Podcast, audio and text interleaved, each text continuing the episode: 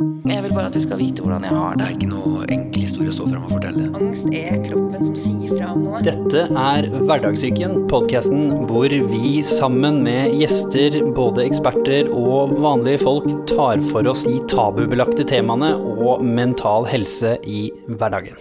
Velkommen. Er det kvinnehelsedagen i dag? Ja, i dag er kvinnehelsedagen. Oi, Her ser du hva jeg, jeg vet. Det var jeg ikke visste. Ja. Ikke sant? I går var mensdagen, i dag er Ja. kvinnehelsedagen. Så da var det mensdagen og kvinnehelsedagen, og her er dere. Og på mandag, hva er det da? Er det en dag da? For det er jo da den kommer. Å, er det en eh, dag da? Eh, Det, da får vi finne på en dag, hvis det ikke er noe. Da- da får er finne på det. Endometriosedagen. Ja, Endometriosedagen. Ja. Mm. Gynekologdagen, kanskje. Vi har ingen dag. Dere har ingen dag. Det Leger har ikke fortjener noen dere faktisk. Nei, ja, det syns jeg man skal ha. Så det er jo det vi skal snakke om, da. Velkommen til alle sammen som eh, hører på, og velkommen til dere for første gang, som dere sier. Både første gang i podkast, så det ut som, og ingen rakk opp hånda, og første gang hos oss da også, selvfølgelig. Takk. Velkommen. Snakk. Og vi da skal jo snakke om, som det kom deg i den litt eh, artige introen her, med om endometriose.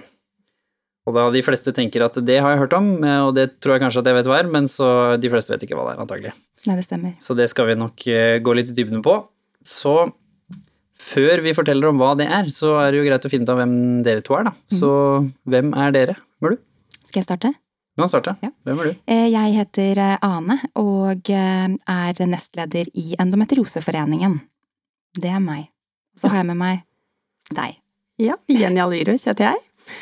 Jeg er overlege på Oslo universitetssykehus og jobber til daglig med endometriosekvinner, for å si det sånn. Kvinner som har endometriose. Mm. Da er det hektisk, for du skulle egentlig vært her i går, og da, som du sa, du hadde en god plan, men det er sjelden en god plan hjelper når man er lege og i tillegg må på operasjonsstua. Da hjelper det ikke med gode planer. Det stemmer. I går så røk den gode planen, så vi fikk utsette podkasten til i dag. Så vi er veldig glad for at vi er her i dag. Det er vi òg. Stiller opp på kort varsel allerede ute på mandag. Tjopp, tjopp. I dag er det kvinnehelsedagen. Stemmer? Ja. To dager senere så kommer episoden. Yes. Så eh, vi liker å bli enda litt bedre kjent med fagfolka våre, vi. Du skal jo få lov å fortelle litt om din historie etterpå, så, så vi kommer jo alltid litt mer i dybden hos de som er med levd erfaring. Men eh, fagfolka slipper ikke så lett unna de heller. Så da er det store spennende spørsmålet hvorfor ønska du å bli lege, og ikke minst hvorfor sklei du til slutt inn i kvinnehelse og da endometriose? Mm. Og det store spørsmålet hvorfor jeg ønsket å bli lege, det mm, tror jeg rett og slett var at jeg kunne ikke forestille meg noe annet. Jeg syntes det var spennende, og jeg prøvde meg litt innenfor, um, litt innenfor økonomi, og kjente at det ga veldig lite mening. Så det å kunne fordype seg innen medisinen, og ikke minst reise til utlandet og studere i veldig mange år, for det tar jo en god stund å bli lege. Ja, fra Og det. det er faktisk en gave å kunne studere så lenge.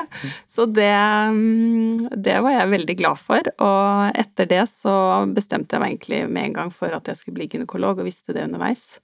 Hadde du sånn liksom mini-breakdown i midten? Vi har jo mange psykologistudenter her, det er også et veldig langt studie, og veldig mange av dem har nå sagt at sånn midt i, da var det sånn liten mental breakdown for veldig mange av dem. Fordi da hadde de hatt veldig sånne tunge fag fram til da. De følte kanskje ikke de hadde så mye praksis, ikke sant. Det var ikke så mye av det, det spennende de så frem til, da. Så da var det veldig mange som var sånn Nå tror jeg kanskje jeg må begynne å se etter noe annet å holde på med. Nå gir jeg meg. Hadde Ja, du en jeg sånn hadde, runde? hadde absolutt breakdowns, helt klart opptil flere. Spesielt én etter to år, fordi i medisinstudiet så er jo de to første årene liksom prekliniske fag. Så mye fysikk og biokjemi og ting som skal pugges. Og da mm, gikk rullegardinen helt nå, jeg tenkte dette går ikke. Og min far ringte meg og sa nei, altså nå syns jeg bare du skal pakke kofferten og reise hjem. Aldri! Det kommer ikke til å skje, sa jeg da, la på røret og fortsatte. Så det er egentlig faren da, din som utfordra deg, som gjør at du er Absolutt. gynekolog i dag? Ja, ja da. Det Så nei, det var eh, Det er tøffe tak underveis, men det er eh, absolutt verdt det. Det tror jeg mange opplever når de studerer. Mm. Og hvorfor havna du med et såpass spissa felt som endometriose, som kanskje mange tror de har hørt om, men som kanskje ikke er så kjent? Mm.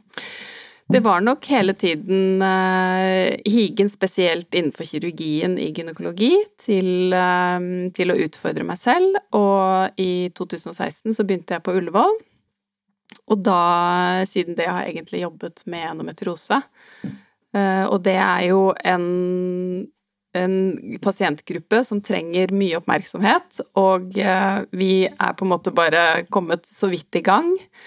Og det er veldig, veldig spennende å kunne jobbe med det så mye som vi gjør. Og det er klart, på Ullevål så har vi den største gruppen av de mest avanserte pasientene. Og da mm, er det gøy å være et godt team hvor vi kan jobbe for å utvikle oss videre til å være veldig, veldig gode og ja, og helt på toppnivå innenfor uh, Europa innenfor dette. Mm. Og da er det store spennende spørsmålet hva er endometriose? Nemlig. og det var det en som sa til meg i dag sånn å det er så bra dere setter fokus på det, for dette hadde jeg aldri hørt om for et par år siden. Og det er nok riktig. Endometriose, som er et litt vanskelig ord, det er en sykdom der man har en del av et, Altså hver, hver måned så menstruerer kvinner, da. Og den slimhinnen som da støtes ut, er jo en menstruasjon. Og når man har endometrose, så befinner det seg lignende slimhindre andre steder i kroppen. Og det er først og fremst inni bukhulen. Så rundt eggstokker, rundt livmor. Det kan være rundt tarmen og mellom organene inni, inni bukhulen. Eh, og det gjør at man får smerter når man da har menstruasjon, først og fremst, da. Eh, og da, når man blør ut, så blør man på en måte litt innvendig også, og ikke på en måte som gjør at man samler opp masse blod og, og at eh, det kommer ut, men det gir en betennelsestilstand, så det gir en irritasjon i vevet som gjør at man får smerter. Hm. Mm. Og da skal man stille det dumme spørsmålet. Hvorfor skjer det på en måte ekstra smerte rundt akkurat menstruasjon? Hvordan henger det sammen med vanlig menstruasjon? Mm. Det er fordi det vevet da, som ligner på slimhinnevev, menstruasjonen styres jo av hormoner. Eh, og da i syklus, når hormonene er på et visst nivå, så vil man menstruere, og dette er påvirket av østrogen spesielt, og da, da påvirkes det vevet som befinner seg andre steder, da, som ikke skulle vært der, og så utløser det smerter, da og betennelse der. Hva snakker vi om her, da, på en skala? Nå skal vi høre litt mer fra en med levd erfaring etter hvert, og så kan jeg dele litt hvordan det har vært å være pårørende til, til noen som har hatt dette veldig nære, da. Men mm. for deg, hvordan hva er liksom spekteret her? For når man hører smerter, så er jo det ekstremt subjektivt. Så liksom, hva, hva er spekteret man, man, snakker om, som er mulig å ha? Og det er jo veldig, veldig stort. Eh, for når vi tenker at det er én av ti kvinner som har endometriose, så sier det seg jo selv at ikke alle har grusomme smerter. Eh, sånn at spekteret er veldig stort fra at man ikke merker noen ting. Eh, det er det mange som gjør, de merker ingenting, og vi finner det egentlig ofte litt tilfeldig. Eh, til at man har mens, menssmerter da én til to dager i måneden og tar litt Paracet og Ibux for det. Til at man kanskje må ligge i sengen én til to dager, eller til at man ligger i sengen hele menstruasjonen, og noen mer enn det. Hvor det går utover livskvalitet. Eh, etter hvert at man får en kronisk tilstand da, med kroniske smerter. Eh, og det mm, Da er vi oppe på ti-skalaen, hvor det går utover eh, livet som så. Mm. Du fikk jo da møte dette her etter hvert, men i starten så vet man jo ikke hva det er. Og som sier, når til og med overlegen på Ullevål sier vi har så vidt begynt, så sier det seg sjøl at dette ikke var så kjent for noen år siden. Så når var det du møtte på utfordringer hvor du skjønte at her er det kanskje ikke vanlig menstruasjon, her er det et eller annet annet, kanskje? For min del så tror jeg det kom veldig sånn tidlig, altså ved første menstruasjon, at det var veldig smertefullt. Eh, og at det var annerledes, da, i motsetning til andre i, i klassen. Jeg fikk vel menstruasjon i åttende, tror jeg. Eh, og da var det liksom sånn at jeg måtte være hjemme eh, de dagene. Og foreldrene mine skjønte det ikke helt. Mamma også slet jo med smerter en periode. Eh, og så ble det vel til at jeg, jeg, ble jo litt sånn, jeg skammet meg jo litt over det. Eh, Syntes det var flaut å ikke klare å gå på skolen. Syntes jo mensen var flaut eh, i starten, som mange unge kvinner kanskje gjør.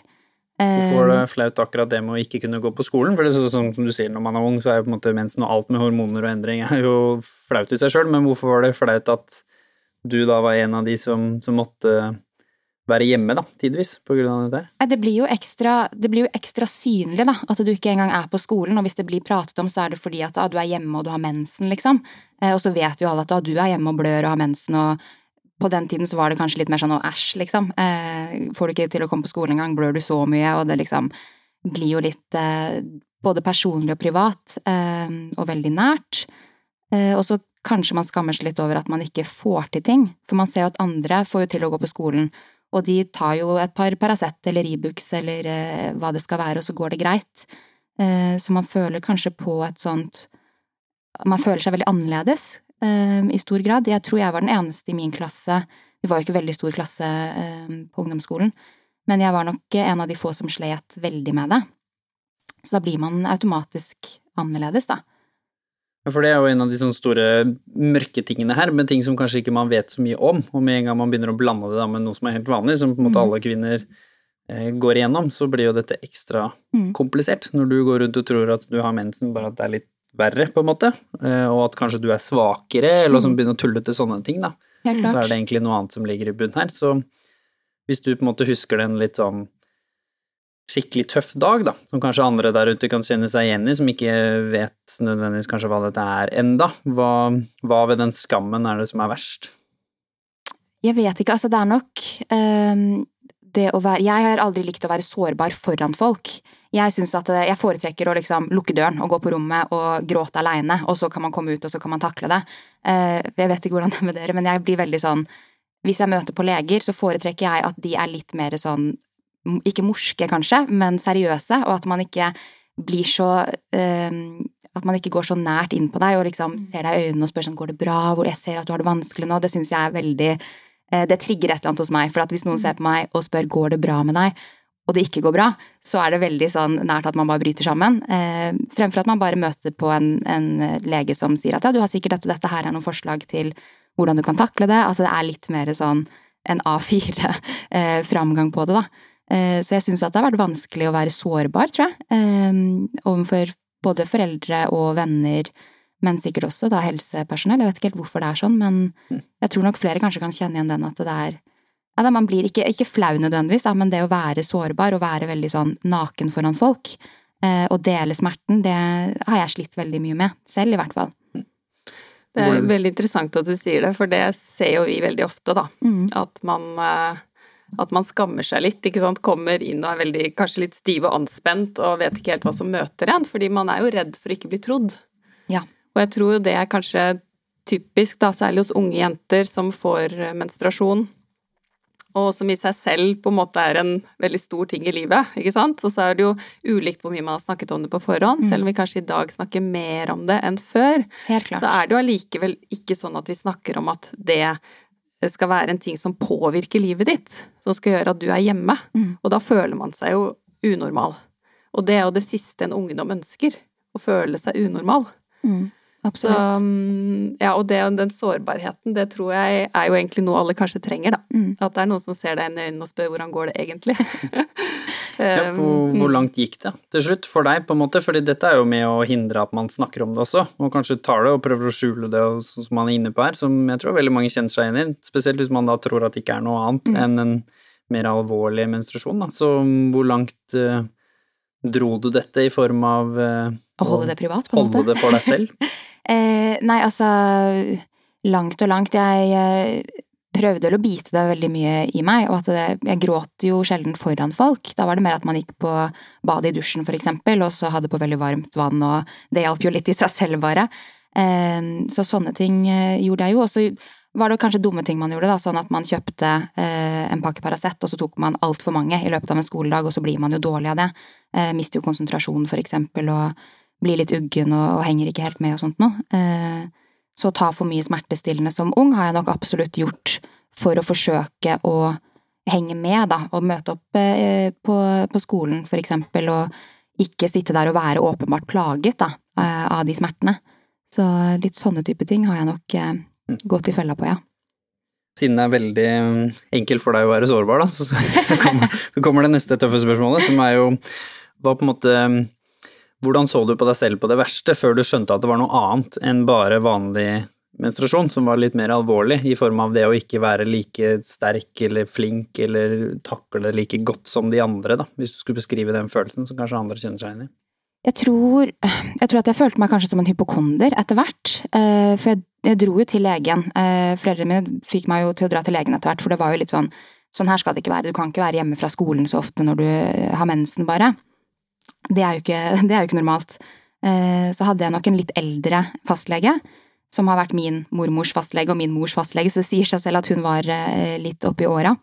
Eh, Og hun sa at det, nei, det er helt vanlig å ha ha mensensmerter. Jeg ser mange unge jenter som kommer og har mensensmerter, og da tenker jeg at vi kan prøve p-piller for å se om det kan, kan hjelpe.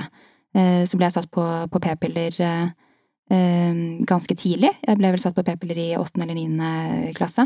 Og det hjalp jo i en viss grad. Og da var det ikke et behov for å drive og skjule det så mye lenger. Så jeg tror nok at, at jeg klarte å takle det på den måten, at jeg fikk en viss medisinsk hjelp, men jeg fikk jo ikke høre om hva det kunne være. Og selv om jeg fikk den type eh, smertelindring gjennom hormon, altså hormonell prevensjon og, og Ibux og Paracet, og, og, at hun tipset om at ta en av hver, det, det hjelper veldig, eh, så var det jo fortsatt sånn at man følte at det var noe galt med kroppen. Kjente jo at det var et eller annet som ikke stemte. Ofte hang det jo også sammen med fordøyelse og mage, så man begynte å tenke at å ja, kanskje jeg ikke tåler visse typer mat, kanskje jeg må prøve ulike dietter. Eh, og til slutt så blir det vel til at man ser på seg selv som den syke, da, i gjengen, at det ofte er du som må avlyse ting fordi du er dårlig, eh, eller at du må dra hjem tidligere fordi du har fått til et eller annet du tror kanskje har gjort at du har blitt uggen, da. Eh, eller at du presterer dårligere på prøve fordi du sitter og har det kjipt. Men så finner man jo ikke ut av det heller. Man tar jo masse blodprøver, man tar jo og drar til legen eh, hvert år og liksom melder om de samme problemene, da, og så oppdages det ikke fordi alt ser fint ut på prøvene. Så da tenker man jo kanskje at ja, da er det meg, da. Da er det et eller annet med meg som jeg Det er noe jeg ikke takler. Eh, det er sikkert et eller annet med det mentale, eller at det er stress som jeg ikke takler, og kanskje jeg må se litt mer på det, kanskje jeg bare må bli flinkere. Det tenkte jeg nok også ganske ofte, da. At jeg må bare skjerpe meg, jeg må bli flinkere og, og ta meg sammen. Hvis jeg begynner å trene litt, hvis jeg spiser sunnere, hvis jeg gjør alle disse tingene og tar disse grepene, Ehm, og tar litt sånn ansvar for eget eh, liv og egen helse, så kanskje jeg blir bedre. Så blir man jo ikke det. Um, og det er veldig vanskelig å sitte og kjenne på. Um, og så er det veldig gradvis. At man ikke jo, Jeg tror ikke jeg har opplevd noen sånn derre veldig stor eh, hendelse i livet i forbindelse med denne sykdommen som har gjort at, det, at det var et liksom, veldig vanskelig øyeblikk. Det har nok bare bygget seg opp gradvis, og så har det forsvunnet litt inn i andre type hendelser, da, så man har forbundet det med andre ting, for eksempel, og koblet det på andre greier, når det kanskje hele tiden har vært det samme underliggende problemet, da. Hvor ensom føler man seg, da? Som du sa, du var ingen du kjente på skolen som kunne Moren din hadde vært borti noe lignende, men det var ikke det samme, og så begynner du Legen skjønner det ikke, da begynner du å bli ensomt i, i hodet, da? Absolutt. Eh, det er jo veldig sånn isolerende å, å ha det sånn. Jeg tror nok mange kan kjenne på det at man man er alene i det, eh, og spesielt før man får kunnskap om diagnosen, eh, og vet at det, det er én av ti, det er kjempemange som har det sånn, så sitter man nok veldig mye med det eh, selv, da, og ser innover i seg selv i stedet for å se utover og, og lete etter andre likesinnede, da. Mm. Så det har jo virkelig hjulpet å, å få den diagnosen og, og, finne ut av det, og så se andre og prate med andre som har akkurat de samme opplevelsene. For jeg kan jo jeg har vært veldig heldig med mine venninner. Eh, vi har alltid vært veldig åpne om ting og pratet mye om ting, og sammen med partner og sammen med foreldre, egentlig. Men det er likevel en sånn Man kan se det på dem at de ikke skjønner det når man snakker om det. At det er et eller annet i øynene. Det er liksom Nei, det her det henger ikke helt med når man prøver å forklare et eller annet. Eh, mens da jeg møtte de som har endometriose, på første sånn treff jeg har vært på, fordi den foreningen jeg mm sitter i. Vi har arrangert før korona og sånt noe. Eh, så arrangerte vi jo ofte eh, likepersonstreff. Eh, det skal du snakke litt mer om nå snart, hvordan ja. det ble veldig mye bedre. Men når du hører på historien her nå, så regner jeg med det ikke er sånn one-off. Det er ganske, ganske vanlig. Kan ikke du fortelle litt om av de tingene hun snakker om nå, da, hva som på en måte er veldig vanlig å oppleve, da, av alle andre også? Fordi det ble jo nevnt flere ting, både med ensomheten, skammen, og at man prøver å få hjelp lenge, men kanskje ikke finner ut av det, da. Man blir mm. mer møtt med litt sånn mangel på kunnskap, kanskje, mm. fra det medisinske personellet også, som er jo ekstra frustrerende når man selv ikke vet hva det er for noe. Mm. Ja, dette er jo en veldig typisk historie som Ane beskriver. Eh, det begynner tidlig, man er ung, ikke sant, og som du sier, det er mye skam og mye følelser involvert. Og mm, vi ser ofte disse kvinnene på et mye senere tidspunkt, og får jo denne historien da fortalt. Eh, og jeg tror det du nevner, Anne, nettopp dette med anerkjennelsen Når man vet hva det er, så kan man stå så mye bedre i det. Og da er man mye bedre rustet, og som du sier, man kan møte likesinnede. Men også det å møte bare forståelse er jo på en måte ikke helbredende, men det gjør at man kan som menneske tåle veldig mye mer, da. Det er stor forskjell på å si at uh, du har mensen, bare det er verre, enn å si jeg har endometriose. For da skjønner jo folk ikke hva du Da skjønner de i hvert fall at ja, det er noe annet. Det er noe mer alvorlig, på en måte. Helt enig. Så det, det tror jeg betyr mye. Og det å da kunne på en måte lene seg litt på det, og også det å ja, jobbe med seg selv på en annen måte. Og vite at ja, man har en kronisk sykdom. Ja, jeg må kanskje leve med dette resten av livet, og det blir ikke perfekt. Jeg kommer til å kjenne på det, men uh, da vet man i hvert fall hva det er. Og man kan, som du sier, vise, vise til andre at man Eller fortelle til andre da, hva det dreier seg om. Og mm. møte forståelse. Det tror jeg er veldig, veldig viktig. Mm. Og så har jo mm, hun som står meg nær, som, som har det, da, som jeg har vært på, pårørende av, der det jo, ble det jo oppdaget veldig seint. I hvert mm. fall at det var det. Det ble jo igjen sikkert samme historie som deg, uten at jeg husker så mye av den. Men det ble jo oppdaget i forbindelse med noe annet, litt sånn tilfeldig kanskje. Mm. Og at det, det, var nok ikke hovedproblemet den gangen, men det har nå utviklet seg til å bli en større del av problemet nå, da. Kanskje 20 år seinere, på en måte. Så hvor vanlig er det? At man kanskje ikke finner ut av det før man er 40? Det er, det er, ikke uvanlig, det heller. Eh, det jeg ser, er jo litt det du beskriver. Altså det er dette med ulik grad igjen, da. Og så blir det jo litt sånn når man kikker retroskopet. Ikke sant. Hva var det den gangen som plaget meg? Eh, og da er det ikke alltid at men mensen er på en måte én ting som har kommet og er plagsom, men så er vi ulikt rustet til å håndtere det. Og så kanskje har vi andre ting med oss i livet. Livssituasjon, familie, venner. Kanskje har man ikke så mange venner og så faller man utenfor, eller man er innenfor. Det er mange ting da, som kan skje både i ungdomstid og i ungt voksenliv, som jeg i hvert fall Jeg, jeg synser litt rundt det, da, men jeg syns ofte jeg ser det hos kvinnene, at det, det påvirker dem i veldig stor grad. Og man kan liksom begynne å pirke borti spørsmål som har med ting å gjøre når man er yngre, og fiske frem ting, og hvor man ser at dette har hatt en stor innvirkning på valg av, valg av retning, rett og slett, eh, for noen, da. Og hvordan livet har blitt. Så det Jeg tror ikke at man skal eh, tenke på at historien til Anne er helt eh, unik. Den er nok veldig, veldig vanlig, men jeg tror den slår ulikt ut for mm. alle. Og for noen da som opplever det at de får diagnosen sent, sånn som din mor, så tror jeg at når man kikker litt tilbake, så kanskje man tenker å, det kunne ha vært annerledes. Og det er jo det som alltid er det store spørsmålet, da, hva som kunne ha vært annerledes. Men hadde man visst, så hadde man kanskje i hvert fall kunnet skaffe seg kunnskap, da, omkring det. Mm. Da kommer kanskje en annen stor bolk, for én ting er at uh, du avlyser og sånne type ting, men så kommer jo den der med at vi hindrer oss selv i å gjøre ting, fordi ja. vi forutser at det kommer til å gå skeis.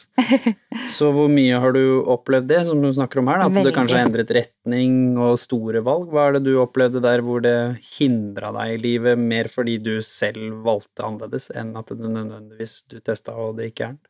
Jeg tror um, Altså for min del så har det jo ført til at man, man, vegrer seg for en del ting, spesielt før jeg fikk diagnosen.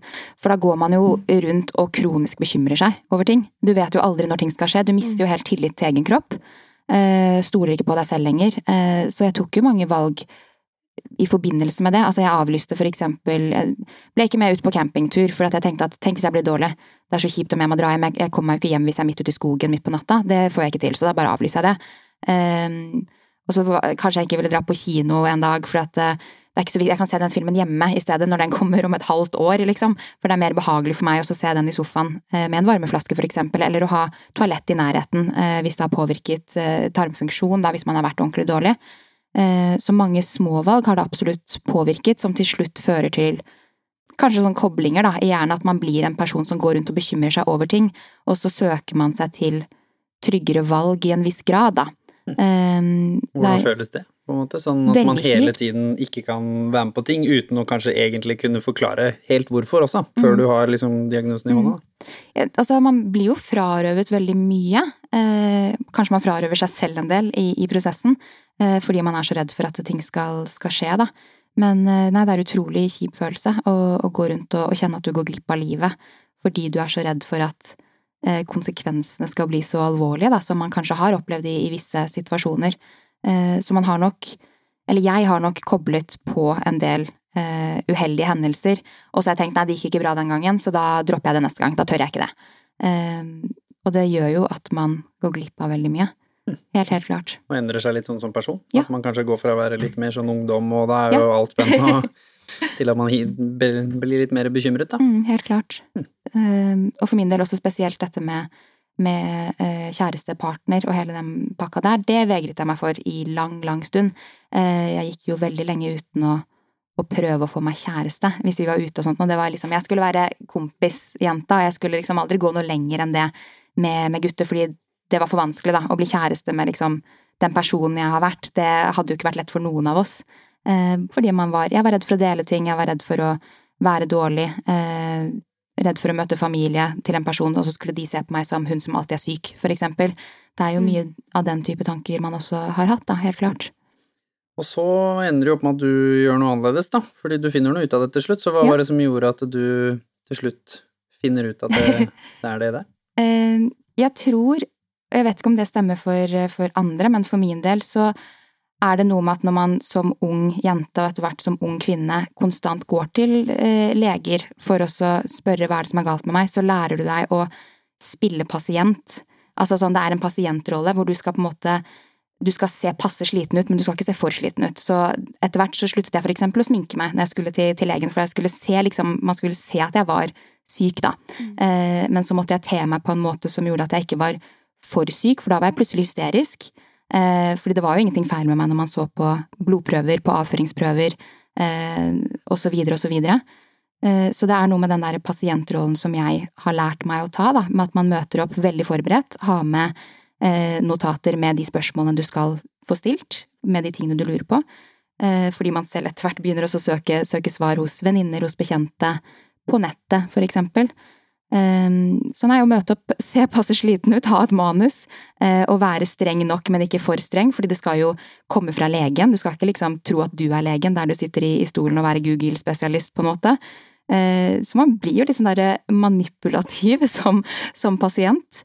Um, men for min del så var det jo det som funka til slutt. Um, det å, å lese meg opp på hva jeg som pasient har rett på. At man har for eksempel samvalg, da, at jeg skal få lov til å være med å ta en avgjørelse når det kommer til min helse, um, og at det finnes en del utredning som jeg ikke hadde vært gjennom fordi de bare ikke hadde sendt meg på for eksempel gastroskopi eller koloskopi da jeg trodde at det var noe med, med magen min. Det var veldig sånn, vi tar en blodprøve, det var ikke noe feil, du har IBS. Um, og til slutt så var jeg litt sånn, men det vet dere jo ikke, dere har jo ikke sjekket x antall ting, og nå er det jo på tide at dere gjør det. Um, så når jeg endte opp med å stille litt hardere krav, lære meg hvordan jeg skulle framstille meg selv for å bli tatt uh, seriøst, og det er forferdelig trist å si at man måtte gjøre det. Um, og så gikk det til slutt så langt at jeg søkte meg uh, til en privat uh, lege, hvor jeg bare egentlig bestilte prøver. Um, så det var på en måte det som skulle til for min del, at man tok en ganske sånn reise Det var en lang reise, da. Mm. Hvor vanlig er det her, da? Å høre sånne historier når du får folk opp hos eh, dere? Nå har du selvfølgelig, man blir jo bedre og bedre med årene, men Mm. det er nok ikke allmenn viden kjent for alle fastleger i Norge, dette her. Nei, det, det er det nok ikke. Um, jeg, jeg vil jo legge til at vi Jeg tror vi er på en veldig, veldig god vei. Nå er um, ja, fastlegene er veldig oppmerksomme på det nå i forhold til før. Mm. Uh, Det ser jeg bare på alle henvisningene vi får av unge jenter um, som uh, skal vurderes for dette. Så, um, så jeg tror at jeg håper at unge jenter i dag opplever noe annet, og det er også derfor vi sitter her. for, å, for å dele dette mest mulig. Men, men det er klart at man seiler under mange andre diagnoser underveis. Mm. Det er ikke uvanlig, og det, det ser vi ofte. Og de er kanskje ikke helt sikret, øh, og mm, man må kjempe litt for sin sak. Eh, Og det er bra at man gjør, for det skal man gjøre eh, hvis man ikke har det bra. Og hvis man føler, seg, føler at noe er galt, så, så er det bra at man gjør det. Men det er klart man skal føle at man blir hørt. Så mm, ja, jeg, jeg tror det har i hvert fall vært veldig vanlig. Jeg håper at det er bedre nå, og vi samarbeider jo mye både med fastleger og, og utad for å spre informasjonen, da. Det gjør vi. Og ikke minst Endometrioseforeningen jobber jo intenst og veldig, veldig bra med å spre god informasjon, eh, som er veldig viktig. Så får du diagnosen, hva skjer da? Når du forstår endelig at eh, du var på en måte ikke hypokonder, du, du hadde rett, det var noe annet. Ja, det stemmer. Eh, nei, det måtte jo litt til. Jeg byttet fastlege og litt, eh, litt diverse. Eh, og så endte det med at jeg selv spurte. For da hadde jeg hørt at en venninne av meg hadde fått påvist at hun hadde endometriose. Eh, og så spurte jeg litt ja, hva, hva er det for noe, hvordan er det det egentlig påvirker deg, og hva er symptomene? Og så kunne jeg liksom eh, sjekke av på alle de der eh, boksene på, på, det hun forklarte og fortalte. Um, så da jeg byttet fastlege, så dro jeg egentlig bare dit og hadde det på agendaen, og så sa jeg her er alt som har skjedd med meg, eh, her er det jeg tror det henger sammen med. Jeg vil veldig gjerne bli utredet for dette, eh, og har veldig lyst til å komme meg til en god gynekolog som kan si noe mer, mer om dette. Eh, og hun var uh, kjempeflott i møte med meg og sa at dette uh, Hun var ydmyk nok til å kunne si at dette kan jeg ikke nok om, uh, men her tenker jeg at det stemmer nok mye av det du sier, og det kan helt klart henge sammen med syklus. Så vi henviser deg videre til en, en spesialist. Um, og da dro jeg til en spesialist uh, på gynekologi som sjekket uh, og sa at her ser jeg at du tydelig har adenomyose, som går kun på livmoren. Uh, og da sa hun at mest sannsynlig kan det også hende at du har endometriose. Så du bør dra på en sånn kikkhullsoperasjon. Um, og i etterkant av den timen så Jeg husker at jeg gikk ut derfra um, og bare begynte å gråte med en gang. Litt fordi jeg tenkte at det er dritkjipt å høre at man har fått eh, påvist på en måte noe som er kronisk. Det er på en måte ingenting du kan gjøre med det. Det er noe man må lære seg å leve med. Forhåpentligvis så får man jo litt behandling og, og smertelindring og eh, operasjoner som kan hjelpe, men, men, det var kjipt. Men mest av alt så var det en lettelse, egentlig. Eh, jeg følte at ja, nå, en, nå endelig så er det en forklaring på det. Altså, jeg har ikke vært gal hele tiden. Det har vært noe. Eh, det var litt den derre ah, Jeg visste det. Jeg visste at det var et eller annet. Mm. Eh, og litt den derre Det behovet da for å gå tilbake til alle de legene som lå bak meg, og kunne liksom si det var det jeg sa. Det var det jeg sa. Jeg visste at det var et eller annet. Eh, og at jeg ikke bare var stressa, at jeg ikke bare var fordi det var eksamen det året, eller fordi jeg hadde spist noe feil, eller fordi jeg ikke tålte løk, eller et eller annet sånn derre Ting som ikke stemte for meg, da. Så nei, det var veldig stor lett lettelse, egentlig, eh, å få den beskjeden og bli sett på den måten. Ehm, og at det var så enkelt. At hun bare sa at da har du dette, og mest sannsynlig har du dette, så her er veien videre. Nei, det er kjempe, kjempedeilig, egentlig. Hva er veien videre? Da har man fått uh, kommet til noen som deg, som kan sine saker. Hva er veien videre? Hva er viktig å ta tak i med en gang, da? Som er uh, La oss begynne med de fysiske tingene, og så skal vi så kan jo du hoppe på og si hvordan det påvirker da det psykologiske også. Mm. Det er jo eh, Jeg må bare legge til at det, er, det som Ane beskriver, er jo noe vi ofte ser, at jenter eller kvinner gråter når vi sier det er endometrose. Og, det, det, og, da gråter de ikke fordi de blir så lei seg. De gråter fordi de blir så glad. og det, det, er jo eh, Det sier jo kanskje litt om veien dit, da, for mange.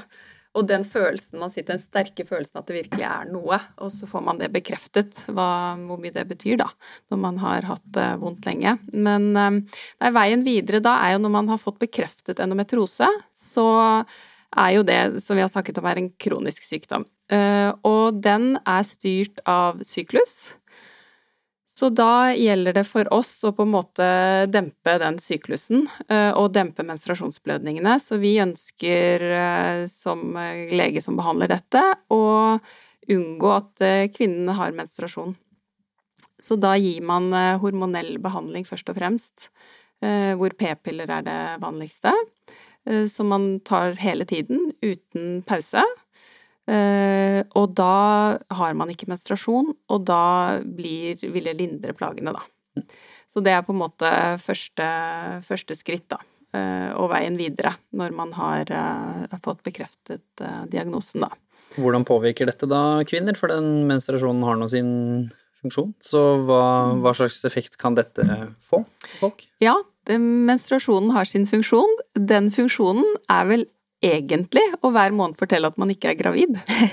Hvis man eh, på en måte ser litt sånn ancient tilbake på hvorfor har man egentlig menstruasjon, eh, så er det jo før eh, prevensjonens tid, så, mm, så er det jo litt sånn kroppen er utstyrt. Sånn at vi vet i dag at det er veldig trygt å ikke ha det. Så det, mm, det kan man uten problemer gå på p-piller og ikke ha menstruasjon. Så det, det, skal man ikke være noe bekymret for. Mm. For det første som sikkert mange kunne vært bekymret for, er hvis man er ung, da. Det er jo liksom hvordan påvirker dette muligheten til å få barn og sånne type ting i Mm. senere alder. Så hva, hvordan henger de tingene sammen? Ja, og det henger ikke sammen med behandlingen, da, men det henger sammen med endometrose er jo forbundet med infertilitet, som vi kaller det, altså eh, barnløshet og vanskeligheter med å bli gravid. Eh, I ulik grad. Eh, det er mange, skal sies at det er mange med endometriose som blir gravid på eh, vanlig, vanlig måte. Uten hjelp og uten prøverør, og en del må til i prøverørsbehandling, da, for å, å bli gravid. Mm. Er det noe tall på sånne type ting som man vet, på en måte? Har vi noe, er det noe forskning på dette i det hele tatt, eller er dette litt sånn På infertilitet? Ja, det er forskning på infertilitet. Jeg kan ikke si akkurat tallet på hvor mange som er infertile, men det er vel opptil en 30-40% av de som får endometriosediagnosen, som er eh, infertile. Mm. Altså som vil på en eller annen måte oppleve vanskeligheter med å bli gravide, da. Mm. Ja, for det hører jo med til at øh, det kan man jo si, men så kan det jo gå andre veien også. Tante ble vel fortalt det i, i hvert fall 10 år, tror jeg, eller 15 år, før at øh, her blir det ikke noe barn, og så fortsetter man å prøve med de metodene som er, og dette er jo lenge siden til og med, så man har sikkert kommet mye lenger nå. Nå har hun tre barn, så, så det er jo absolutt mulig. Så det er viktig å fortelle også til de som er der ute at eh, selv om statistisk sett dette virker veldig klønete og vanskelig, så hvis det er noe man ønsker, så kan man jo, kan man jo holde ute også, selvfølgelig. Ja, men jeg tror også det er litt endometrose sammen med dagens samfunn, hvor vi venter veldig lenge med å bli gravide. Mm. Vi skal gjøre veldig mye før vi begynner å tenke på å få barn. Den kombinasjonen er ikke ideell da. Så det er jo ofte sånn at eh, vi, vi sier jo det så godt vi kan til de kvinnene som er unge og blir, eller får diagnosen, at det er forbundet med vanskeligheter med å bli gravid for noen. Sånn at det betyr ikke at man skal løpe hjem og få barn umiddelbart, men det betyr jo kanskje at man trenger ikke vente til man er 35 år min, fordi det ikke passer. Hvis man har en kjæreste man er glad i og kan tenke på det litt før, så, så syns jeg det Ja, hvis man har lyst på barn og vil det, så tror jeg at det er eh, lurt å, å, å tenke på, i hvert fall. Mm. Kan bli viktig med dette med nedfrysning av egg og sånn, eller er det da viktig i en sånn kontekst, eller er Ja. det uavhengig om man fryser ned egg? Nei, nå er jo det litt spennende, da, at, det, at vi er der. Det kan sikkert bli viktig. Det er ikke så aktuelt eh, nå, men eh, det kan nok bli, bli viktig også i denne sammenhengen. Ja, absolutt. Mm. Ja, så hvordan var den opplevelsen da for deg? For du syns først og fremst blir du jo letta, men så blir jo ikke problemene borte. Den er jo kronisk, så hvordan på en måte var reisen videre frem til eh, der du er i dag, etter at du fikk eh, diagnosen? Eh, Den var veldig vanskelig. Eh, Jeg tror man går gjennom veldig mange prosesser, egentlig, etter at man får en, en sånn beskjed. Eh, Man må fordøye mye av det man har gått gjennom, eh, for det første. Og så er det også å se framover, da. Og kanskje ikke bekymre seg for mye før man har hatt denne operasjonen, hvor man finner ut om har man egentlig endometriose eller ikke. Men det ligger jo hele tiden i bakhodet, og ofte er det jo litt lange ventelister på, på å komme og få en operasjon. Eh, For ikke, vi har jo ikke så mange eksperter i, i Norge på dette, så det er lange, lange køer. Så å gå og vente, vente på å høre det, det er både spennende og skummelt og frustrerende. Eh, og veldig mange følelser på en gang, egentlig. Så det har vært en, eh, en vanskelig prosess sånn sett, eh, helt klart. Men da jeg fikk eh, operasjonen, så, så fikk jeg jo høre det da jeg våknet eh, ut av narkosen, at ja, du har endometriose også.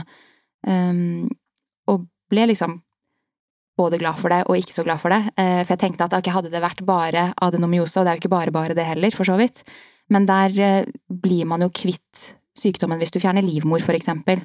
Eh, og for min del, som er en som ikke har hatt noe barneønske tidligere, så tenkte jeg at ja, ja, men det er ikke et stort offer for meg. Eh, og da kan man jo kanskje være frisk da, etterpå. Men så får du høre at du har to av to. Gratulerer, gratulerer på en måte. Vinner av, eh, av det lotteriet. Eh, Så nei, det var kjipt eh, å høre. Og så var jeg veldig mye dårlig i perioden etter eh, operasjonen. Det var veldig tøft for kroppen min å komme seg. Eh, Jeg satt jo i en spiral eh, under narkosen, og opplevde det som veldig vanskelig for kroppen å, å takle. Um, Så jeg måtte jo tilbake til, til gynekologen min og sjekke at alt satt som det skulle, for jeg gikk jo på veldig sterke smertestillende en periode, og det tuller jo litt med hodet ditt også. Uh, Man blir jo litt sånn halvrusa og og har ikke helt kontroll på, på alt. Um, og det er jo en forvirrende periode, du er veldig mye trøtt og sliten, og det gjør jo at du blir deprimert uh, og lei av livet, egentlig, i den perioden. Uh, og så har du det oppå de smertene da du har, for de tar jo ikke helt knekken på det. For min del gjorde du ikke det. Eh, og det skal jo sies at alle har det jo ikke sånn etter en operasjon. Mange jeg kjenner har hatt det helt fint. Men eh, for meg var det tøft. Um, det er jo det jeg husker også, som, som, pårørende, at dette på en måte blir veldig vanskelig og sånn sett Selv om man finner ut av det, mm. og det er positivt og man kan begynne å gjøre noe med det, så mm. opplevdes det også som at personens liv etterpå ble så vanskelig at de ja, opplevde at kanskje livet var veldig urettferdig, ja. og at man føler at liksom, her går man glipp av både mye av livet, men at det blir kanskje aldri det samme også. Mm. Nesten som man angra på at man fant ut, nesten. Selv om det var jo ikke noe bedre før, men det medfører seg Det er som du sier, det er ikke bare en blodprøve å sjekke her, det er jo en operasjon. Helt klart. Som alle operasjoner har jo risiko medført, og så mm. kan det gjerne bli en til, og så kan det bli litt ekstra sjekking. Det var det i hvert fall der. Mm. Som jeg sto i det, da, med, som pårørende, så så vi at det var mange. Det ble, det ble flere operasjoner mm. og komplikasjoner, da, som mm. gjorde, gjorde, det mer vanskelig. Så det også er vel en tøff ting, som, som er viktig å prøve å håndtere også. Det psykiske rundt det, så hvordan jobber dere også med det? Dere, mm. Når de da møter det fysiske, så, så som vi sa i stad, det mm. forhåpentligvis blir godt håndtert, men det kommer mm. veldig mye med den kommer, fysiske endringen. Ja, det kommer veldig, veldig mye med, som du som du sier. Og det, det Informasjon er jo liksom nøkkelordet fra vår side, i hvert fall. At man vet uh, hva man har i vente. Det tror jeg har mye å si, og særlig de som Jeg vet ikke hvordan det har vært med din mor, men hvis man går igjennom større operasjoner, og kanskje flere, så er det så viktig å vite hva som kommer etterpå. For jeg tror veldig mange kommer til oss og tenker at den operasjonen, da spaserer man ut, og så ja, da har det ordnet seg, og da er alt bra igjen. Eh, men vi ser jo at da har man mye smerter før en operasjon, så er man ikke kvitt de med en gang etterpå. Det tar tid, og, og kroppen skal heles. Og disse nervebanene i kroppen som eh, gir smerte, de eh, fyrer fortsatt. Og, så man har smerte fortsatt, og det tar tid å bli bedre. Uh, og mm, vi eh, ønsker oss jo veldig nå på Ullevål blant annet uh, litt mer tverrfaglig tilnærming. Vi har og gjør så godt vi kan, men ressursene er knappe. og vi vil jo veldig gjerne ha mer ressurser. Og da er jo nettopp det du nevner her en av de veldig, veldig viktige tingene. For jeg tror kirurgi er én ting, hormonell behandling er én ting. Men det å ta vare på psykisk helse, eh, få hjelp med samliv, kjæreste, som Ane nevner, eh, få hjelp med fysisk avspenning, eh, om det er så i form av fysioterapi eller yoga eller hva man benytter, eller annen type fysisk aktivitet, så, mm, så har vi veldig, veldig tro på det, da. Og, at, eh, og vi skulle ønske vi kunne tilby mer av det. Men det er klart vi oppfordrer så godt vi kan og prøver å skaffe den hjelpen vi har mulighet til. Men jeg tror nettopp de tingene du nevner, Jimmy, som med din mor, så er det jo det at man kanskje faller litt mellom to stoler. Man har ikke helt den oppfølgingen etterpå, da som, eh, som det er behov for. Mm. Mm. Nå var du innom ganske mye av det nå, da, men hva, hva, anbefaler du at man tar tak i selv? For det er jo mange der ute nå som har diagnosen, som har vært gjennom det fysiske, kirurgien mm. og tingene, men som føler at det lugger fortsatt. Det er, mm. og det kanskje ikke da lenger bare henger sammen med den fysiske delen, men at bare alt annet har krasja med det, på en måte. Så ja. hva ville du gjort med alt det du vet? Nei, det bygger seg ofte opp, ikke sant, over mange, mange år. Sånn at da er det ikke sånn at man kan ta det bort på en dag. Og da mm, Men det, samtidig så er det også veldig mange, når jeg begynner å snakke om psykisk helse f.eks., eller at eh, depressive symptomer, sånne type ting som ofte følger med, eh, så, mm, så, er det ikke bare lett heller. Du kan tenke deg hvis man da har en halvtimes konsultasjon, så skal man liksom gjennom alt dette. Det, det er ikke så lett, og det er også noe man selv må tenke mye igjen og må fordøye og se selv at eh, det er flere ting som spiller inn, da. Fordi en kronisk sykdom, en kronisk lidelse, og disse kvinnene har veldig ofte et sånt høyt lidelsestrykk når vi ser dem. Og usynlig lidelse, som ja. igjen da blir litt sånn hypokonderstemning, og at andre tror at du bare småfaker det litt, på en måte. Mm. Helt riktig, for hadde man eh, gått på krykker, eller man mm. hadde ja, hatt et hovent ben, så hadde det vært annerledes. Og sånn som det er for disse, så syns det jo ikke. Men så godt vi kan, så vil jeg på en måte oppfordre til å bare tenke ja, på seg selv, da. Hva kan man gjøre med livet sitt, og for å bare prøve å ta best mulig vare på seg selv. Eh, og da er ikke alltid nøkkelen liksom i, i bare den endometrosen. Det er litt nøkler i ting rundt endometrosen også, som eh, endometrosen har vært med på å påvirke da, over lang tid. Mm. Hva gjorde du? Du ser jo ut som du sånn sett eh, har fått bedre i dag, nå med tid. Så, så, hva var det du tok eh, tak i og gjorde som du nå i etterkant ser har hatt en god effekt? Det er, ah, det er vanskelig å svare på, egentlig. Det var jo en veldig lang prosess, og det var jo et år eh, etter operasjonen hvor jeg var veldig langt nede, eh, og slet med mange vanskelige tanker, egentlig. Eh, og på, på et tidspunkt så vurderte jeg vel bare sånn ah, jeg burde bare dumpe, dumpe typen og isolere meg på en hytte et eller annet sted og bare ikke se folk, fordi det er jo ikke noe vits, på en måte. Jeg har jo ingenting å gi, jeg har jo ingenting å tilby lenger. Jeg er jo bare liksom et skall av et menneske. Eh, det eneste jeg orker er å ligge på sofaen og kanskje se på en serie, men ikke det heller egentlig, med mindre jeg er i halvrus. Eh, så det var veldig tungt i starten. Så tror jeg egentlig ikke at man kan gjøre så mye annet enn å bare overleve det.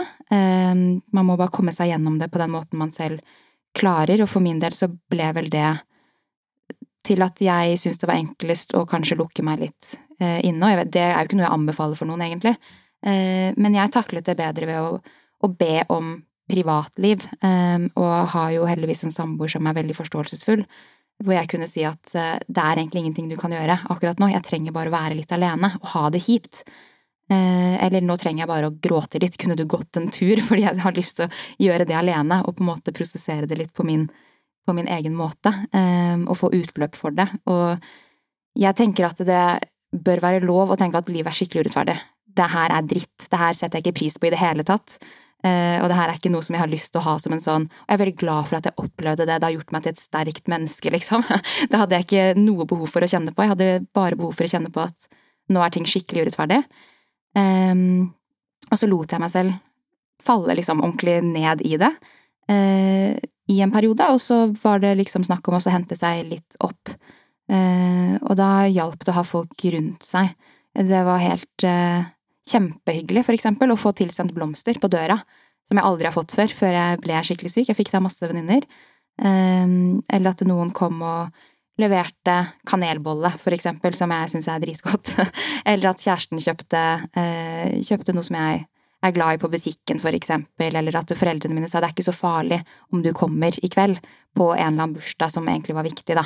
At man får litt mer rom til å være dårlig, og at folk egentlig bare er der for deg, eh, eller er der eh, for deg uten at de krever noe tilbake, da. Det hjalp meg veldig. Eh, og så, når man blir bedre, og ting ikke bare er vondt, så klarer man jo etter hvert også å sette mer pris på små ting som man kanskje ellers hadde ikke tenkt så mye over. For eksempel første gang man orker å gå en tur i parken eh, og bare ha det fint, at du ikke kjenner at nå er det vondt, på en måte. Eh, det var kjempe en stor opplevelse første gang man klarte det, for, så vidt. Eh, eller å sove en hel natt uten varmeflaska første gang, når det var sommer og det egentlig var liksom 30 grader ute. Det var utrolig deilig. Så de små tingene setter man jo veldig stor pris på når man også er kronisk syk og på et punkt i livet hvor man er veldig, veldig dårlig. Så jeg tror det å samle på de øyeblikkene og så lagre de litt, og prøve å hente de fram igjen når man er dårlig og tenker at nå har jeg litt lyst til å gi opp, egentlig, det tror jeg er veldig viktig, for det er jo masse verdi i livet selv om man er kjempedårlig, og selv om man har veldig, veldig mye vondt, så tror jeg man kan finne veldig mye fint samtidig, da. Og fikk du testet noe fysioterapi eller massasje eller yoga eller ting som tar bort mye av spenningen som setter seg med frustrasjon og irritasjon over tid også? Nei, um, for min del så var det nok ikke så mye så mye oppfølging. Uh, jeg måtte ta kontroll over veldig mye ting selv. Uh, bare det å få fjernet stingene etter operasjonen måtte jeg dra til fastlegen for å få gjøre, for jeg fikk jo beskjed om at ja, det løser seg opp, og så gjorde det ikke det gjorde ikke det for meg. Uh, og jeg var jo veldig dårlig, som sagt, etter operasjonen, så jeg måtte jo be om flere eh, piller eh, for å klare å komme meg gjennom dagen. Eh, og da måtte man jo bli vurdert, for det var jo veldig sterke smertestillende jeg gikk på. Eh, så jeg er veldig glad for at hun min fastlege tok meg inn på en konsultasjonstime og forklarte meg hvorfor hun ville treffe meg, da, for å se at hun var sånn Det her er veldig avhengighetsskapende. Eh, og det er ikke sånn at jeg ikke tror på at du er syk, men du bør jo dra til gynekolog, for så vidt, for å sjekke at spiralen sitter riktig. Det kan hende at det har skjedd et eller annet der. Um, så mye, mye, sånn type oppfølging som jeg måtte søke selv. Um, og så fikk jeg vel mer medikamentell oppfølging. Uh, ble satt på kjemisk overgangsalder en periode for å komme meg over den verste kneika. Um, som også hadde mye bivirkninger, eh, selvfølgelig. Uh, så veldig sånn tung type oppfølging som man uh, har litt ansvar for selv, da, og det var vanskelig. Så jeg kan se for meg at folk som ikke er like ressurssterke. Ikke at jeg har liksom utrolig mange ressurser, men, eh, men, de som enten da kanskje snakker språket dårlig, ikke vet hvor man skal søke oppfølging, ikke har nettverk som kan pushe deg litt og så si du ikke bør Ikke støttende fastlege? Nei, ikke sant. Det, er, det må være eh, veldig krevende eh, å stå i det og ikke oppleve at det er noen som ivaretar deg og, og helsa di annet enn deg selv, da. Mm. Så for min del har det vært helt avgjørende at jeg har hatt både nettverk, men også kompetanse og helsekompetanse nok til å vite at jeg bør, jeg bør, sjekke opp dette, jeg bør kontakte disse, eh, jeg kan vurdere dette. Så det, nei, det er krevende, og det må jo bli bedre, og det håper vi jo at det blir bedre også. Vi ser at det har vært et løft. Bare de siste årene har det jo blitt eh, snakket om veldig mye mer. Eh, så det er jo, ja, å kreve bedre behandling tror jeg er veldig viktig. Ja, for hva mm. kan de, de tingene gjøre, da? Med at man eksempel kunne gått til til en psykolog, som eh, trenger ikke nødvendigvis være en psykolog, en kan være en terapeut, kan være mm. en måte ting som er kanskje litt lettere å få tak i da, enn en psykolog i Norge. Mm. Men det kan jo også være, kan jo være forskjellige typer manuell terapi, det kan jo være fysioterapi, det kan være akupunktur, det kan være så mye. Jeg vet jo også at uh, Eh, mamma prøvde jo veldig mye, og til slutt så fant forskjellige ting som hjalp. Og om det da var direkte knyttet til dette, eller om det var knyttet til på en måte hele situasjonen, det er jo egentlig litt irrelevant. Men mm. når man da sitter med og føler en del spenninger, og at kanskje andre ting begynner å, å gjøre vondt også, og, og, da er det veldig viktig å kanskje få løsna opp på de småtingene du kan gjøre noe med, da, sånn at ting blir så bra som, som det kan være. Så mm, hva er det dere ser der? Med, for du har jo sikkert noen mm. erfaringer fra noen ja. andre pasientreiser som har gått uh, bra, da, som har hatt mm. nyttig bruk av sånne ting? Ja, det, det, har jeg. Og det er nettopp det du beskriver, at man får jo en del spenninger. Altså smerte gjør jo at man spenner seg. Så man blir jo eh, man blir jo stiv i kroppen, og kanskje noen opplever at de får endret gange, ikke sant, har mye bekkensmerter, bekkenbunn. Så, så jeg ser at eh, veldig mange forteller at de har veldig god nytte av yoga, for eksempel. Eh, fordi de får eh, Da får man liksom tøyd, og det er avspennende. Det er jo godt for sinnet. For de som har prøvd yoga, så er det jo liksom noe man Det er jo litt sånn man kikker litt inn i seg selv samtidig, og det, det kan være en fin ting. Så det, det fortelles ofte om at det mm, at det, ja, at det er positivt, altså. Så, og jeg får litt vondt i magen når jeg hører Ane fortelle også, fordi jeg sitter sikkert også på den siden som sender mange litt ut i intet fordi vi ikke har god nok eh, mulighet for oppfølging, da, for ressursene er ikke bra nok. Så um, det er jo bare en påminnelse om at eh, ja, nettopp Jeg tror en ting er liksom yoga, fysioterapi, sexolog, samtaleterapi. Jeg tror alt det er veldig, veldig viktig. Eh, men det er at noen er der, noen er tilgjengelig. ikke sant? At man har eh, tilgjengelig hjelp når man trenger det. For å også kunne forklare symptomer, forklare bivirkninger. Vi får jo veldig ofte spørsmål eh, Nå har vi fått, vi er så heldige at vi har fått en sykepleier på Ullevål som tar mange av disse telefonene imot. Nettopp sånn oppfølging på behandling og sånn. Og det er noe med det ja, Hvis man hører ja, men det er normalt, det kommer til å gå over da kan man liksom lene seg litt i det, mens når man ikke vet, så blir man redd og utrygg. Eh, så jeg tror det ja, kunnskap å ha noen i andre enden da, som kan forklare. Eh, og det hjelper ikke alltid at jeg sitter og sier det kommer til å skje sånn og sånn, du kommer til å få hetetokter, du kommer til å føle deg uvel. Når det skjer, så trenger man ofte en i andre enden som kan kan svare litt på de spørsmålene, da. Ja, helt klart. Så, mm, ja, så jeg er veldig glad for at vi har fått et sånt tilbud, og der har vi mye å gå på. Eh, så det står, står på trappene, og det, det, tror jeg blir veldig, veldig bra. Mm. Sist, men ikke minst, hvorfor er det viktig å snakke om det? Både med partner, venner, folk rundt seg, som på en måte kanskje gjør at det er i hvert fall noen der da, som har litt mer innsikt, og som kanskje var med hos legen eller gynekologen, eller som kanskje har dette heftet i hånda tilgjengelig, eller en nettside, eller hva det skal være, hvor det er litt mer, da. Hvor viktig er det at man ikke står alene, selv om du er alene i sykdommen? Så står du ikke nødvendigvis alene i reisen, da.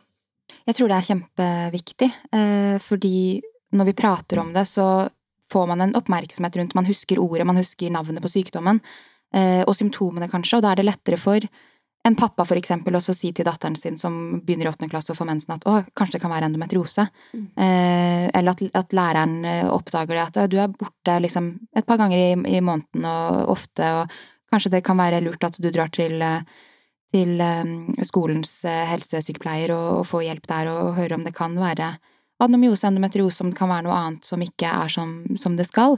For jeg tenker at jo tidligere man oppdager det, eh, jo tidligere får man også verktøy til å klare å komme seg gjennom det, eh, og klare å forstå hva som skjer i egen kropp. For min del har det jo hjulpet enormt bare med eh, stressnivået å vite at det, det, her er det som skjer akkurat nå. Det er ikke noe som bare er ubesvart i kroppen min, som jeg selv kjenner er et problem.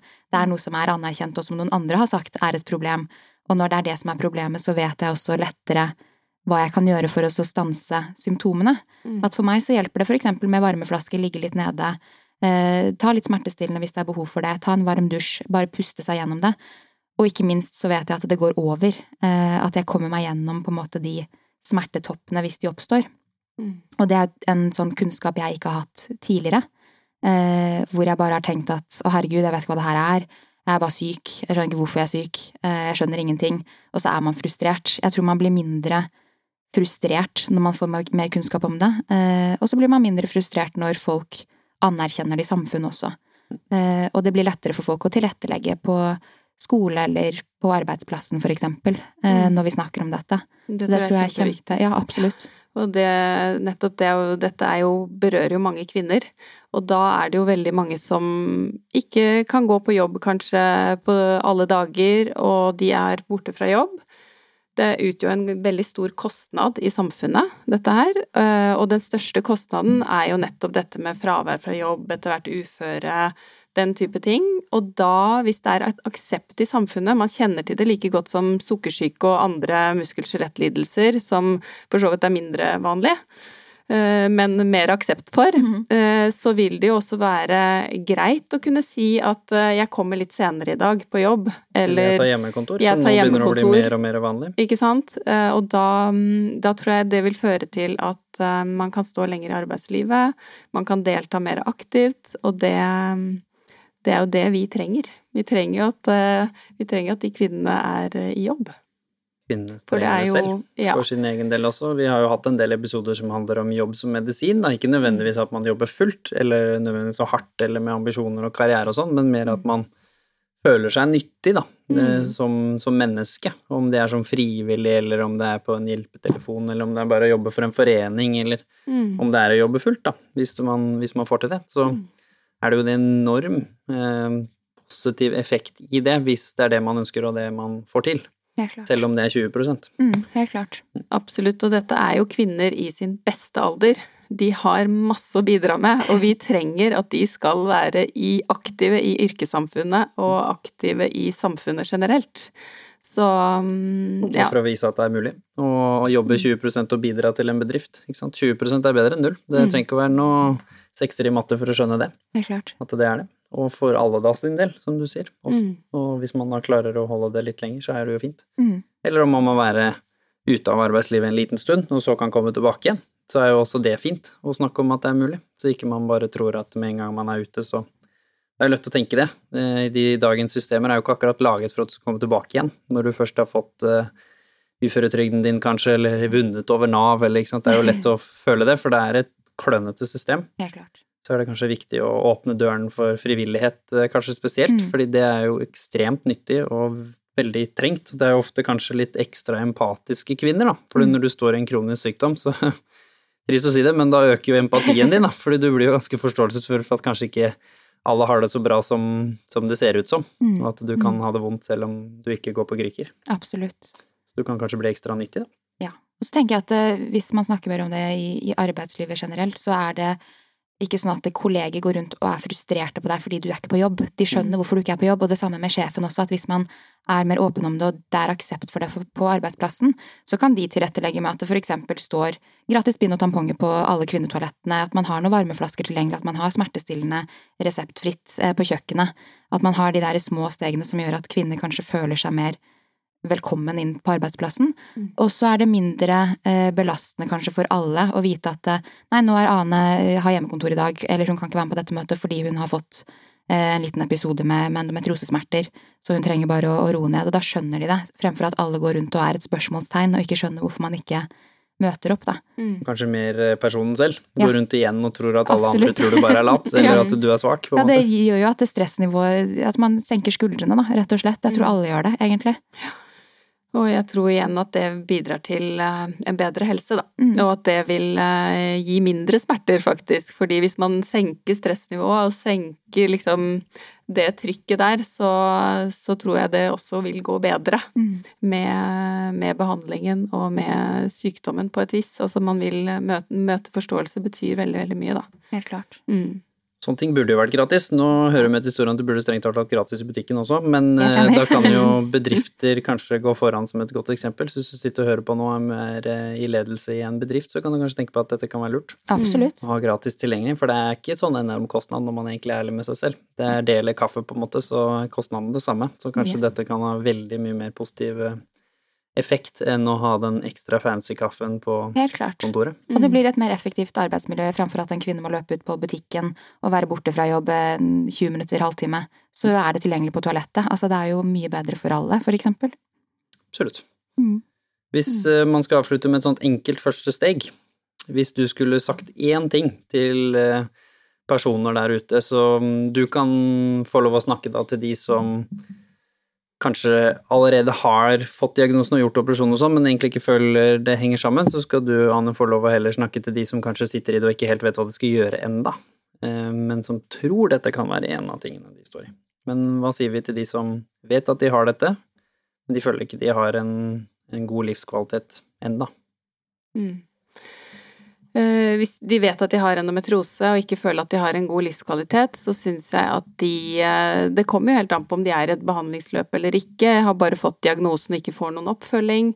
Så syns jeg at de skal ta kontakt med sin gynekolog som følger dem, eller i første instans sin fastlege, hvis de ikke blir fulgt av en gynekolog, og, og si det. Og så er det jo Eh, som vi har snakket om her, et stort løft innenfor kunnskap. Eh, så fastleger og gynekologer vet mye om dette i dag og vil kunne hjelpe de aller fleste godt på vei.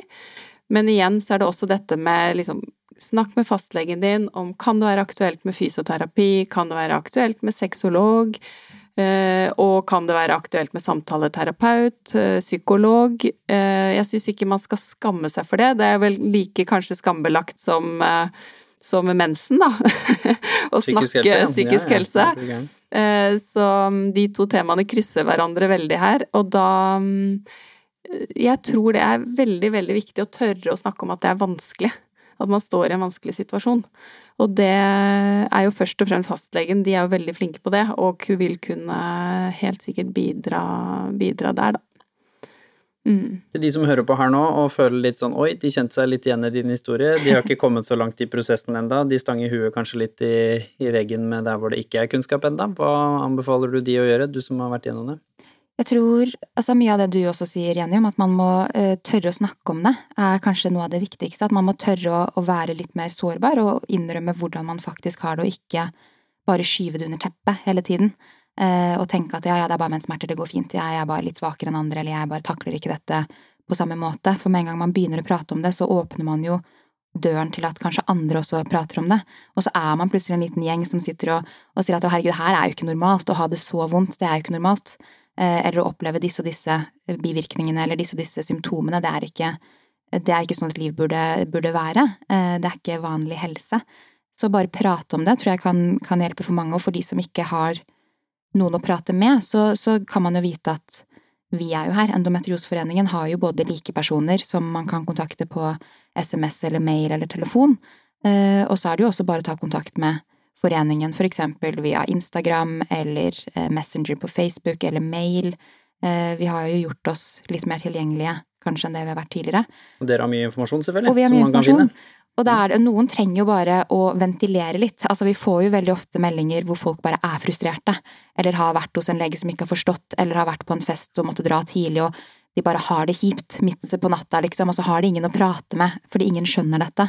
Så hvis folk har lyst til å bare liksom avlaste seg litt eh, i kommentarfeltet vårt eller i innboksen vår eller noe sånt, så er vi jo der, og vi svarer jo alle sammen så fort vi rekker. Eh, For vi er jo en frivillig organisasjon, så vi har jo ingen som jobber med dette fulltid. Eh, Men så fort vi rekker, så tar vi jo tak i det. Eh, Så man er ikke alene uansett om man føler at man er alene. Så er man ikke det. Det finnes et nettverk der ute som man kanskje bare ikke har visst om da, før nå. Så jeg håper folk får opp øynene sine for det. Det høres ut som den perfekte avslutningen. Tusen hjertelig takk for at dere kommer til oss og deler både fagkunnskap og egen personlig opplevd erfaring. Setter vi pris på. Tusen takk til dere som hører på. Husk nå å ta tak i disse tingene nå, da. Vi kommer selvfølgelig også til å belyse dette her i de ekstra postene hvor dere vet, hvor dere får litt artikler og innsikt, og selvfølgelig eh, kontaktdetaljer og Anette-linker til Endometrioseforeningen også. Og selvfølgelig så har dere forhåpentligvis lært noe her òg, ved å høre fram til nå. Fortsett å engasjere dere i podkasten. Del den. Dere vet aldri hvem i deres sosiale sirkel som kan ha dette her, så bare ved at du deler den åpent på din vegg eller story eller noe sånt noe, kan gjøre at noen i din sirkel kan trykke på den og kanskje lære noe og få livet sitt eh, positivt eh, påvirket. Og ikke minst fortsett å sende inn tips til hva vi skal snakke om og hva vi skal ta opp, for dette er tips fra folket i- igjen, at dere ville høre om det her. Så det setter vi pris på, for det er jo tross alt deres podkast. Ha en god dag videre, folkens.